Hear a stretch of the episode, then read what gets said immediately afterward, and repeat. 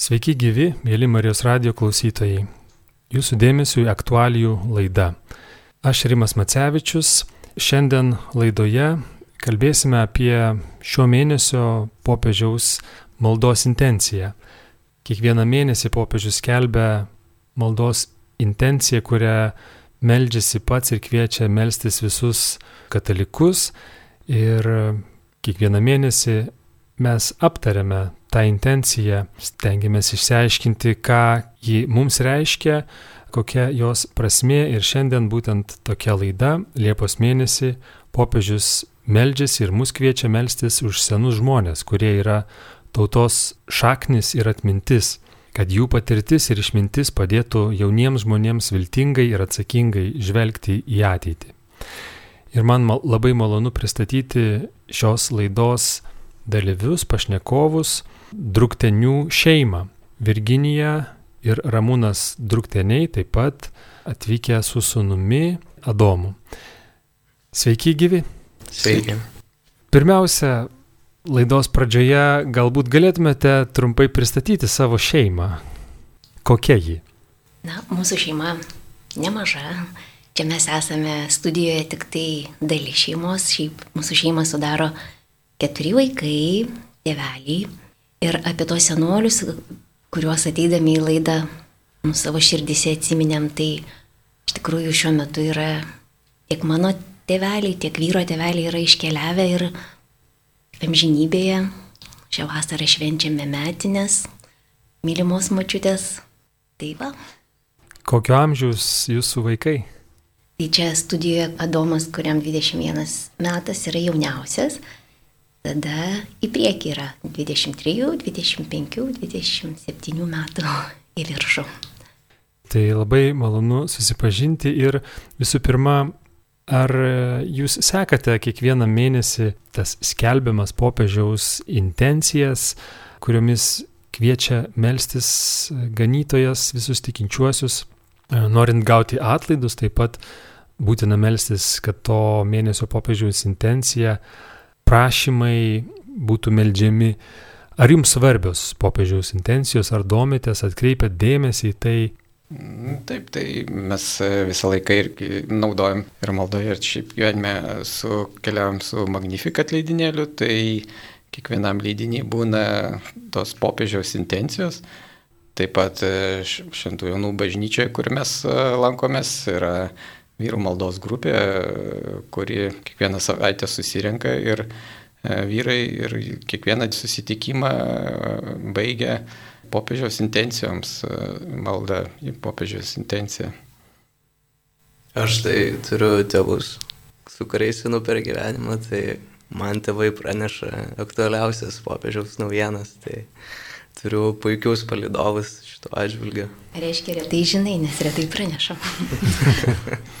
Ir štai Liepos mėnesį, kaip minėjau, popiežius kviečia melstis už senų žmonės, už tautos šaknis ir tautos atmintį ir taip pat už tą ryšį tarp senų žmonių ir jaunų žmonių, kad senolių patirtis padėtų jaunimui viltingai žvelgti ir atsakingai žvelgti ateitį. Ir taip pat popiežius lankydamasis Lietuvoje 2019 metais taip pat tą pabrėžė, kvietė remtis į mūsų tautos praeitį, į vyresnius žmonės, kurie tebe gyvena ir gali liudyti apie tą praeitį, apie tai, ką išgyveno ir tą kainą, kurią turėjo mokėti už tai, ką dabar turime, už tai, kuo dabar gyvename. Kokios jums pirmiausia mintis kilo susipažinus, perskaičius šią Liepos mėnesio popiežiaus intenciją? Nu, tokia e, labai verčianti susimastyti, kadangi e, mano tėvai tai nesenai iškeliavo ir, ir kaip tik e, mamos bus kitą mėnesį metinės, tai visai tokie švieži prisiminimai ir išgyvenimai. Tai tos intencijos, na, toksai, bent man asmeniškai, labai aktuali ir, ir dar tokia šviežia ta patirtis yra tų tėvų netektis, nes uh, Tėvas mirė prieš tris metus, mama prieš metus. Tai gana, kaip sakiau, šviežia tokia patirtis ir tie išgyvenimai. taip pat tos intencijos e, kažkaip verčia prisiminti ir, ir savo senelius, savo tėvų tėvus, e, su kuriais teko bendrauti, taip pat žmonos tėvus, pas kuriuos, e, su kuriais dažnai tekdavo bendrauti, pas kuriuos vasaras praleisdavo šeima vaikai ir pačiam tekdavo dažnai būti, tai tokių daug visokių prisiminimų yra. Ir ypač kai jau nebėra šalia tų žmonių, kurie tave auklėjo, augino, tai labai matosi tas trūkumas ir ko, ko netenki ir tie prisiminimai ir visa tai, kas išgirsta, įdėkta, net mažos detalės primena ir kartais nu va per laiką supranti, kiek, kiek tave tai formavo, kas tu esi dabar. Ir tai iš tikrųjų primena apie tą amžiną, jeigu taip galim pasakyti, kartų santyki, kai kas vadina kartų konfliktą. Ir labai įdomu jūsų paklausti, minėjot, kad pakankamai nesenai netekote savo tėvų. Ar įmanoma kažkaip būnant jauniems ir, ir kol dar tėvai, seneliai yra gyvi, skirti pakankamą dėmesį tam, ką jie sako, arba pakankamai domėtis, kiek tenka patirti žmonės pastebi, kad nepakankamai buvo to dėmesio, nepakankamai buvo to santykio, kažkas liko nepasakyta, kažkas liko nepaklausta, neįsiklausyta. Ar jūs tokį pojūtį taip pat turite? Ar, ar galima, ar galbūt jautėt, jaučiatės kaip tik išnaudoja ir e, sėmėsi iš savo tėvų, senelių? Nu, aš tai tikrai labai išgyvenau šitą, Ir po mamos e, mirties e, tai liko daug daiktų, e, būtas ir reikėjo tvarkyti daiktus, tai daug stalčių išversti ir buvo visokių senų daiktų nuotraukų. Ir labai pasigėdau, kad radau daug mamos tokių albumų nuotraukų, kur ten mano seneliai, proseneliai, jos giminės ir kažkaip mama nieko nesurašė, neužrašė, tų nuotraukų nėra užrašyta. Ir pažiūrėjau, kad iš to nuotraukų nieko nepažįstu, net nežinau. Ir e, faktiškai mažai žinau tos e, kažkokios mamos e, gyvenimo tų detalių ar tų žmonių, kurie supo tų nuotraukų kažkaip tai nelabai ir žiūrėdavom su mama, su tėvais ir daug tų nuotraukų mama parsinešė iš mano babutės, kai po jos mirties, tai aš kažkaip iš vis net nebuvau matęs. Ir buvo pagalvojau, kad būtų visai įdomu žiūrėti, žinoti, kas ten tie žmonės, kas yra. Ir dabar tos nuotraukos ir ta visa istorija kažkaip iškeliavo su tais žmonėm, nes mamos ir sesuo ir brolis irgi jau mirė, tai faktiškai nebeliko tokių žmonių ar tų bendramžių, kurių būtų galima paklausti, kas tose nuotraukose, kas užfiksuota. Taip pat čia juokiamės ir vis su mamu būdom sodė ir, ir, ir Tai mama vis sakydavo, nu, va čia jeigu kažkaip būdavo tik kaip darbo jėga, viską jinai pareguliuodavo, ką čia reikia kur pasėti, pasodinti. Ir vis sakydavo, nu, jeigu kitais metais dar būsiu gyva, reikės šitą padaryti, reikės šitą. Tai vis galvoju, nu, tai vis tiek tai būsi, kur čia kas čia pasikeis. O kai neliko, atėjo pirmas pavasaris, kur reikia pačiam ūkininkauti, žiūri, kad nežinai, nei kaip tą padaryti, nei kaip tą padaryti, viską lik mama darydavo, lik tu ten dirbdavai, bet kažkaip niekada net kreipdavai dėmesio, ką tai ir galvojai, ką, kur čia kada reikia pasėti, kur ką čia paperti, kur kas turi išdykti ar išaukti. Tai nek viską iš naujo ir pagalvojai kažkaip tai, kad nu, nepaklausė irgi neperėmė tos informacijos, kur čia kas kaip yra. Na, Taip, turbūt iš tų žmonėm, kurie, kurie tau rūpi, kuriuos sumylė to laiko visą laiką bus negana, tai čia turbūt labai natūralus toks dalykas, bet, bet žiūrint į, į senelių pusę, e, turbūt čia gal yra labiau iš, iš tėčio pusės, ne iš mamos, nes mamos seneliai gyveno šiek tiek toliau, tai mažiau laiko praleisdavom, bet, Bet su seneliais iš, iš tėčio pusės, tai tas santykis tikrai buvo labai gražus ir nuo pat vaikystės buvo toks kažkoks ramybės, ramybės vieta, nuvykti pas juos, aplankyti, išgerti arbatos, visą laiką mačiutė turėdavo gumos, kurios mes labai norėdavom su, su broliu ir sesėm. Tai tas ėjo taip laikas ir kažkaip ta vaikystė prabėgo, kažkaip net nelabai tu susigal, nepagalvoji apie tą visą jaukumą ir rūpestį, kurį duoda tau seneliai, bet Bet turbūt tas laiko trūkumas ir jausmas ateina labai didelė dalimi iš to, kaip tu atsisveikini su žmogum. Tai aš kažkaip labai uh, sudėkingas, kad, kad uh, tas išėjimas senelių buvo turėjo tokį atsisveikinimo laiką, kuriuo metu mes vaikai, aš galėjau išties ranką savo, savo seneliam, kurie rūpinosi manimi visą gyvenimą, e, kažkaip taip vaikiškai ir, ir smagiai su, su tam tikrom gyvenimiškom patirtim, bet, bet buvo tas laikas, mėnesiai ar, ar keli metai, kai tu gali padėti jiems. Tai tokio tipo atsisveikinimas iš esmės suteikia tam tikrą ramybės jausmą ir, ir, ir labai džiugu, kad tu gali atsidėkoti ne, ne tik kažkokiais žodžiais, ar per laidotuvės, ar per kažko, bet, bet kažkokiu bent jau simboliniu darbu, vandens padavimu, kai, kai jau žmogus negali to, to padaryti pats. Tai man atrodo, tokie maži dalykai yra turbūt labai svarbus žmogaus vidiniam pasauliu, kai tu netenki savo artimo giminaičio, tėčio ar, ar mačiutės ar senelio, nesvarbu. Aš dar noriu, nu, atsimenu savo senolius, pasakyti, na kaip taip atsitiko, kad mūsų vaikai kai jau buvo nu, lygos patale, kai iš tikrųjų eidavo padėti, ne, nebijojo slaugyti, prisiliesti, e, keisti pampersus, nes kai jie gimė, tai seneliai nuo pat pradžios tapo didžiausiais jų draugais. Močiutė ateidavo, ateidavo kaip į darbą, padėti auginti.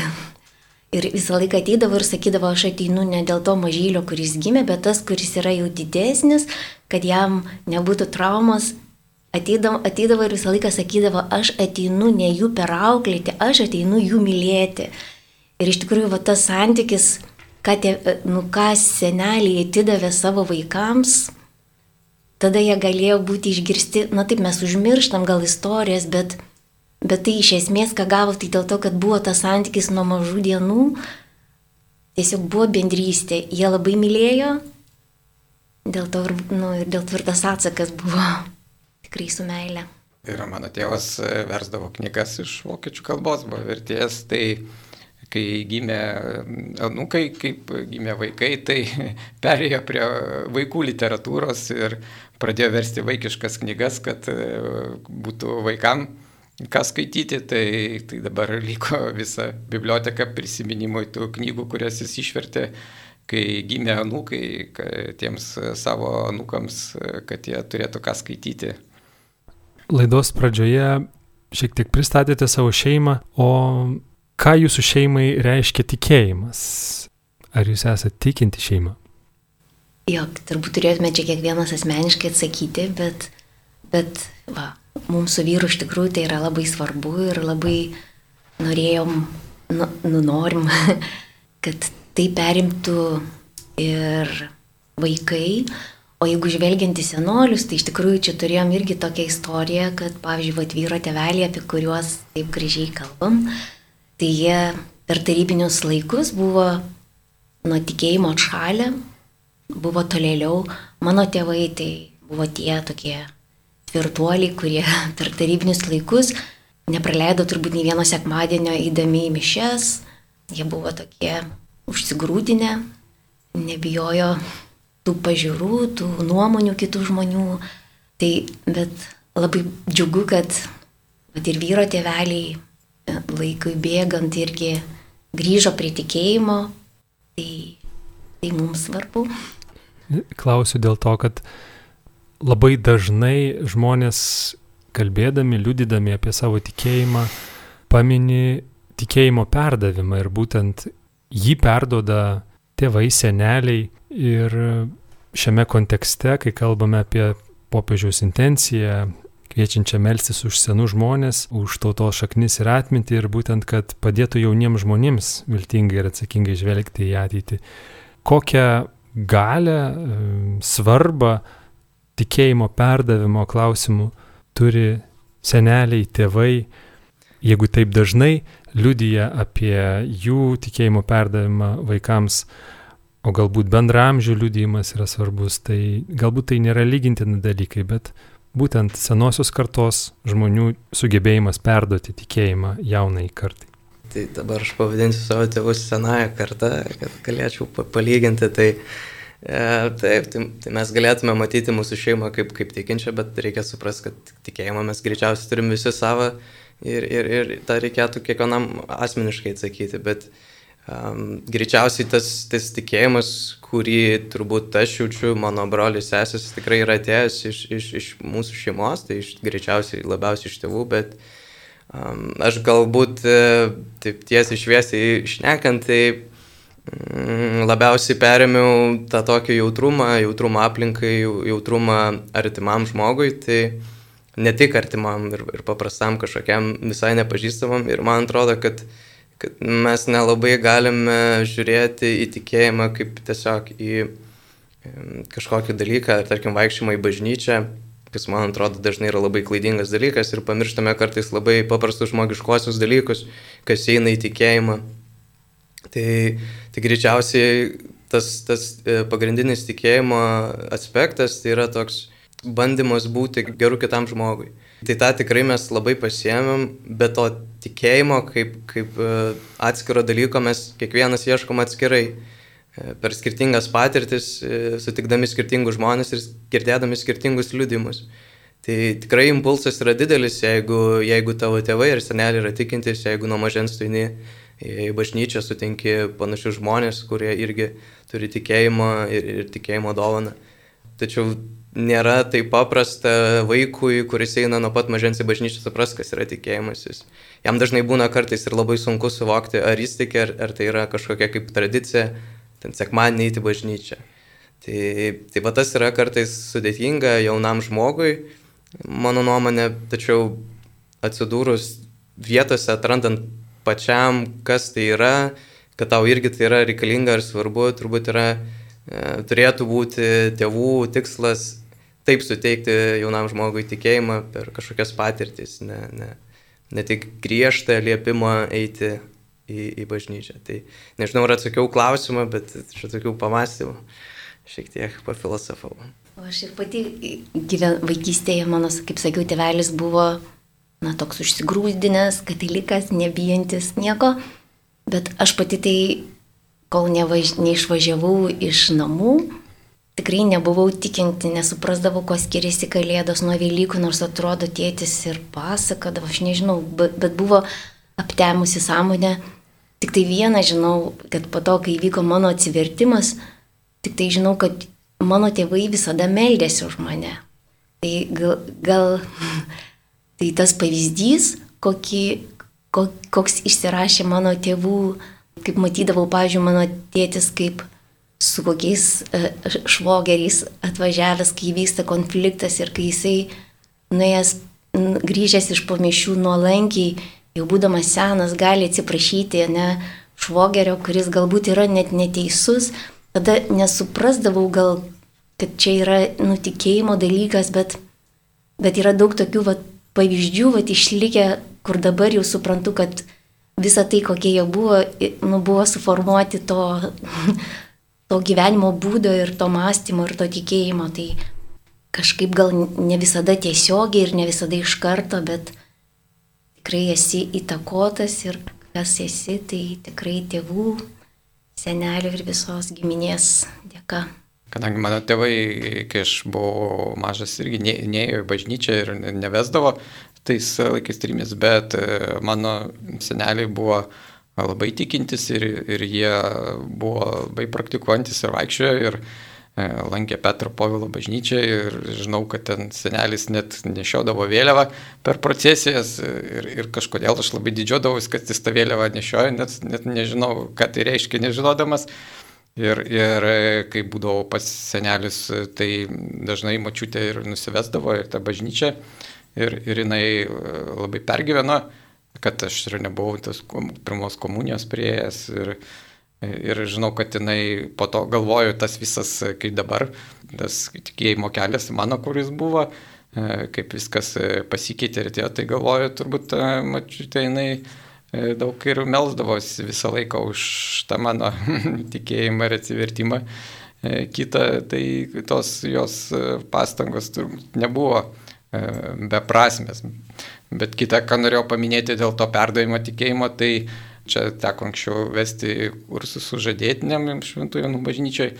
Tai daug tų, ten tema būdavo apie bažnyčią, apie tikėjimą, santyki, tai kai klausdavai tų jaunų porų, koks ten jūsų santykis su bažnyčia apie tikėjimą, tai labai daug kas pasakodavo, kad, nu, pirmus tos tikėjimo kažkokius pradmenis ar kažką gaudavo būtent iš senelių, būdami pas senelius kaime, nes dar pirmais metais, kažkokiu dešimt metų dar buvo daug tokių, kurie turėjo senelius kažkur kaime kitur. Ir metų įgoj labai pasistebėjo, kaip vis tų pastebėjimų, kad perėmė iš senelių vis mažėja ir mažėja, nes vis ateina jaunesni tie žmonės, kurių ir vis mažiau tokių, kurių ten tie seneliai kažkur kaime ar kažkur išlaikė.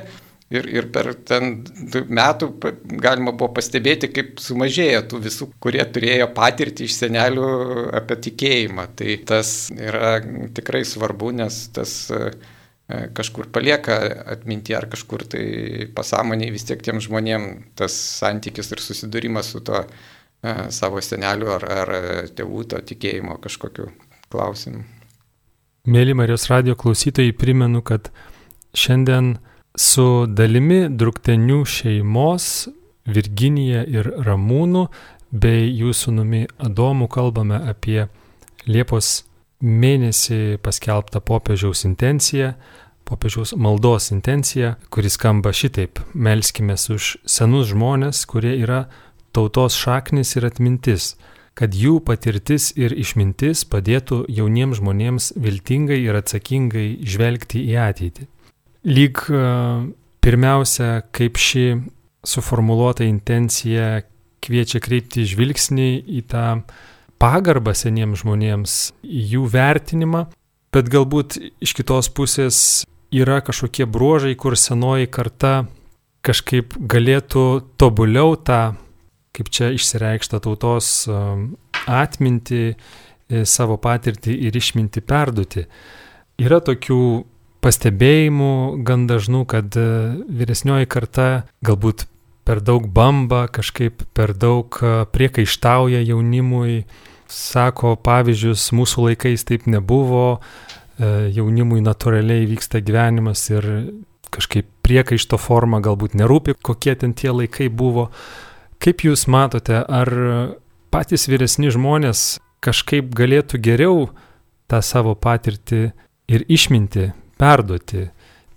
Kadangi pačiai metai eina ir, ir, ir artėja ta senatvė, tai labai norėčiau, patinka man toks pasakymas, sako, kad būtų gerai, kad su metais moteris arba vyras taptų išlaikytų konjaku, o nesurūgusiu actu. Iš tikrųjų, norėčiau būti va, ne tas surūgusi bambeklė, iš tikrųjų, kaip pati nenoriu klausyti bambančių tada tikrai nieko neišgirsti, nei pasakojimų, nei tai, ką nori pasakyti, nes iš tikrųjų atstumimas iš karto jo, tai norėčiau, kad pavyktų tapti išlaikytų konjakų, tada, manau, lengviau susikalbėti ir vat, tada ir tie pokalbiai, kurie vyksta garsiai ir tylomis, turėtų prasme. Aš manau, gal dabar e, šių laikų didesnė problema yra tai, kad e, dauguma tų kartų gyvena atskirai, tos e, gyvenimo sąlygos gerėja, galimybės didėja ir vis mažiau tų yra kartų, kurias gyvena kelios kartos kartu mūsųse arba kur ilgesnį laiką gyvena kartu. Tai tas e, bendravimas e, vis yra trumpesnis ir, ir mažesnis to laiko atžvilgiu. Tai net nežinau, kokia čia ta e, forma galėtų būti, gal tie vyresni žmonės turėtų kažkaip tai daug dalintis ar užrašyti savo kažkokius patirtis, kad tai išliktų, nes dažnai, kol tu esi dar jaunas ir kažkiek atrodo, kad tai nėra vertinga ar, ar tai nėra svarbu, tau svarbu, bet e, gal po kažkiek tai laiko tai bus svarbu tavo nukams ar kažkokiai kitai kartais gal pradės kažkas ieškoti kažkokių savo ištakų ar, ar tų protėvių e, gyvenimo detalių, tai gal e, visai verta kažkaip tai kažkur palikti tų savo prisiminimą ar kažkokį tai pėtsaką. Bet aišku, tas kartų atsiskyrimas šiuo metu yra didesnis mūsų šeimoje irgi mes tik tai dar vienas vaikas beliko pas mus namuose, kuris su mumis gyvena visi kažkur tai atskirai. Dar gerai, kad nors nelabai toli, ne už kažkur vandeninų. Tas bendravimas vis, manau, vyksta mažiau ir mažiau, to labiau e, dar kai jaunisti, tai yra tos visos e, naujoviškos ryšio priemonės, kurios pagerina tą bendravimą, bet vyresniems žmonėms jisai kai kam yra jau sunkiai prieinamas ir tada jie tokie lieka biški tokio izolacijoje, galbūt šio laikinėje tos informacijos ir, ir tų naujų ryšio priemonių. Neliko net laidinio telefono, paskutinis, kai mirė mama, tai atjungiam laidinį telefoną, paskutinis žmogus buvo, kuris dar paskambindavo laidiniu telefonu. Man tai atrodo, kad tiesiog e, mes dažnai nemokame nei klausyti, nei, nei kalbėtis ir šitie, šitie du dalykai, kurie yra svarbus pokalbiui ir pažinimui kažkokiam, prasilenkia dažnai vienas su kitu. Tai kažkaip bėga tas laikas, visur pratom skubėti ir truputį nebemokam prisėsti ir paklausyti. Tai man atrodo labai yra natūralus toks dalykas, ypač kai jaunam žmogui pasakoja apie karas, apie karą senas žmogus, nu, tai be abejo, jeigu jisai to nepatyręs, jam bus tą sunku išklausyti ir tik laikui bėgant ateina tas kaip ir tėtis minėjo, kad galbūt reikia tą užrašyti, nes tik laikui bėgant ateina noras suvokti tai, kai tu pradedi šiek tiek daugiau mąstyti, bet, bet iš kitos pusės, pavyzdžiui, mano patirtis, taip mes išsikraušius iš, iš tėvų namų, tas bendravimas kažkiek sumažėjo, bet Bet turbūt tik tai taip atsiskyrus e, nuo tų brangių žmonių savo supranti iš tiesų jų, jų vertę ir svarbumą tavo gyvenime, nes tiek įvyksta kažkas gero, blogo, pirmas dalykas, kam rašai, skambinit, yra tėvai, broliai, sesės. Tai, tai tokie dalykai irgi galbūt tas bendravimas jisai laiko atžvilgių sumažėja, bet kokybė susitikus, man atrodo, gerėja. Tai, Galbūt nereikia, nereikia mums akcentuotis labai dažnai tą laiko praleidimą, kiek ten skaičiumi, tačiau kokybiškumo atžvilgių, kai mes sugebam susitikti, nes kai jau susitinkam, reiškia, mes abi pusės paskiria tam laiko ir abu to nori. Ir tada jeigu abi pusės nori bendravimo, tai gaunasi labai geras pokalbis su, su gerom mintim ir, ir, ir tai, man atrodo, yra turbūt svarbiausias dalykas santykėje tiek su tėvais, tiek su seneliais, kad abi pusės būtų linkusios skirti vienas kitam laiko. Kalbame dabar labai apie artimus, artimuosius, apie artimą aplinką, savus tėvus, senelius. Adomui būtų įdomu paklausti va, tą patį galbūt klausimą, tačiau apie senąją kartą plačiau. Visuomenėje, nežinau, žinomi seni žmonės arba kad ir autobuse, viešajame transporte vyresni žmonės ir šiaip sutinkami kažkur kaip pačiam atrodo, tau 21 metai, gražiai kalbi e, apie savo šeimą, savo tėvus, senelius, tačiau plačiau visuomenėje seni žmonės, kokį įvaizdį sudaro tau, o galbūt ir bendramžiams, kaip į juos žiūrima, ar pakankamai vertinama jų išmintis ir patirtis. Tai Labai sunku, aišku, čia labai asmeniniai tokie dalykai ir, ir nuo to seno žmogaus, bet generalizuojant visus šitos dalykus, greičiausiai jaunam žmogui trupučiuką erzina seno žmogaus lietumas. Čia vėlgi mes atinam to, kad mes įpratę esam bėgti ir labai paprastas pavyzdys būtų, nežinau, kažkokie kompiuteriniai dalykai. E, mums, e, kaip jauniems žmonėms, paaiškinti tėvams arba seneliams, kaip į messengerį išsiųsti kažką, jeigu nemoka, tai nu, trupučiuką tai erzina, nes tai kainuoja daug laiko, kurių mes įpratę matyti kaip labai itin brangų jau ten jaunystės laiką. Tai tas toks skubėjimas, man atrodo, yra didelė problema.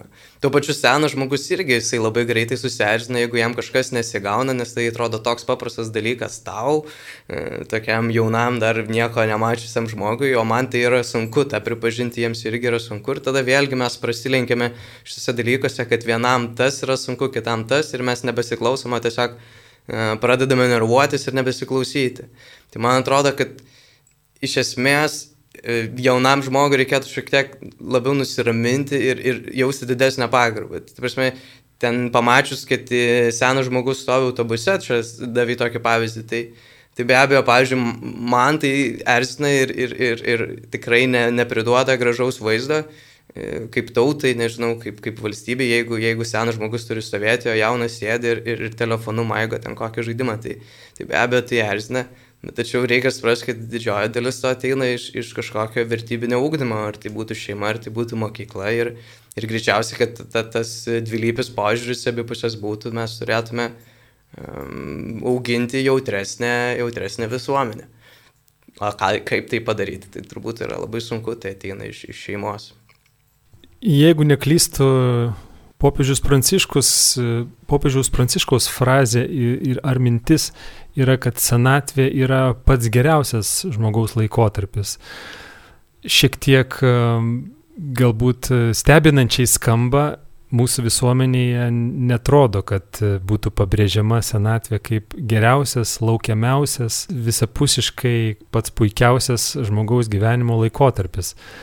Ar taip turėtų būti, nežinau, kaip jūs žiūrite tą senatvę ir galbūt būtent toks požiūris, jeigu jisai vyrautų visuomenėje, galbūt tai padėtų jauniems žmonėms viltingai ir atsakingai žvelgti į ateitį, kaip ir yra išsireikšta šioje Liepos mėnesio popiežiaus intencijoje. Visų pirma, ar jūs viltingai žiūrite į senatvę? Nu, nelabai viltingai, žiūrint savo pensiją. Tai, Nežinau, aš tai... E, Tuomet man... ką popiežius turėjo menį, kad to, šis laikotarpis turėtų būti pats geriausias. Taip, nes tada artėjai prie amžinybės ir, ir ruošiesi tai amžinybei, tai kuri bus e, amžinas gyvenimas, tai ir pasibaigs visos šios žemės kančios. tai, tai prasme ir, ir e, aš labai matau tą dalyką iš savo tėvų, iš žmonos tėvų tų paskutinių metų gyvenimo dienų, per kaip tos, ta fizinė negalė ar ta kažkokia tai kančia kažkiek tai grinina ar kažkoks tas reikalingas tas kančios kažkoks laikas, kad tu pasiruoštum tai amžinybei. Ir, ir kaip transformuojasi, keičiasi ten žmogus ir, ir, ir pažiūra, bet aš manau, kad tas, tos požiūris susideda į tą, nu, čia visas yra ir valstybės, ir visas socialinės politikos, kad gal tie žmonės nu, jaučiasi um, gana atskirti tokia, nes nu, nėra labai išvystyta ta visa infrastruktūra ir gerovės e, tam žmogui kažkokios pagalbos, tai labai susidūriau, kai tėvai jau buvo uh, ir, ir negali, ir kuris negali nueiti pats į polikliniką ar pas gydytoją ar kažkur tai ateiti, tai tu pasijauti visiškai bejėgis, nes nu, visa sistema pajungta, padaryta taip, kad tu, sako, tai tu atvežk, ateik, o žmogus nevaikšto, gyvena penktam aukšte.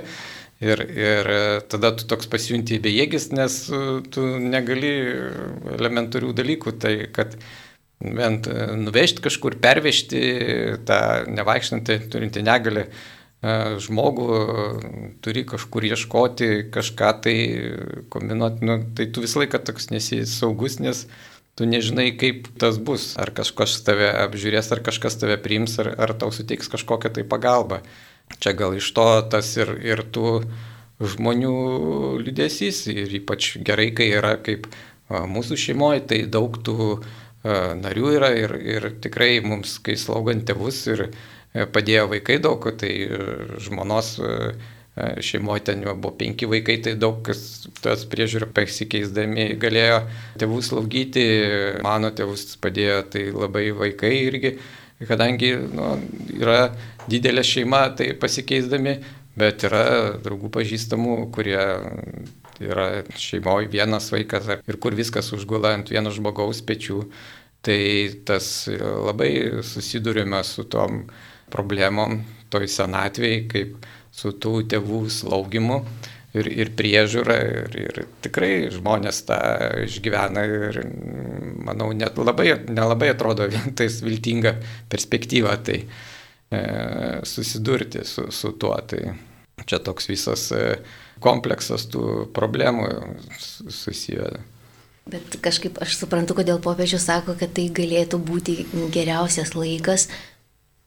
Nu taip įsivaizduoju, vad, tvarkingo, tobulo gyvenimo, tobulas galas, bet jo ne visiems pavyksta išgyventi ir šeimoje, ir pykčiai, ir nesutarimai, ir, tapsime, viso gyvenimo krūvis ir tie vaisiai, visi bandom gyventi kaip yra geriausiai, bet ne, ne visada tai pavyksta ir, ir senatvėje, vad kartais savo gyvenimo vaisius irgi, vad, kokie jie sunoko, nes šitai, tai geri vaisiai vad sunoksta, jeigu visas gyvenimas buvo toks skriptingas, ne, Dievo malonėje būna ir kitokie tėvaisi ir tada tau senatvėje nebėra jėgų ir dar reikia va, už savo klaidas, už savo pragyventas tas nelabai kaip dienas irgi tą krūvį svorį nešti.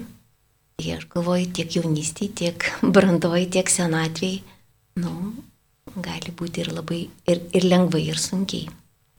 Na, tai aš tai tikiuosi, kad mūsų tėvai turės gerą senatvę, kad turės keturis vaikus slaugytojus. Mhm pensijai pridursim, tai čia viską gudriai padarė, žodžiu, iš meilės vaisiai tokie fainai išlinda.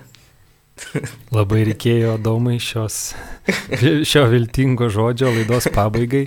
Mėly Marijos radio klausytojai, šiandien apie Liepos mėnesio popiežiaus intenciją, kviečiančią melstis už senus žmonės, kurie yra tautos šaknis ir atmintis, kad jų patirtis ir išmintis padėtų jauniems žmonėms viltingai ir atsakingai žvelgti į ateitį, kalbėjome su Druktenių šeima, ne visa šeima, e, studijoje buvo dalis Druktenių šeimos, su toktiniai Virginija ir Ramūnas ir jų sunus Adomas. Dėkoju, mėly klausytojai, už dėmesį, ačiū ir pašnekovams, kad atėjote į Vilnius Marijos radijos studiją ir susitiksime kitose Marijos radio laidose. Ačiū Jums ir sudie. Iki.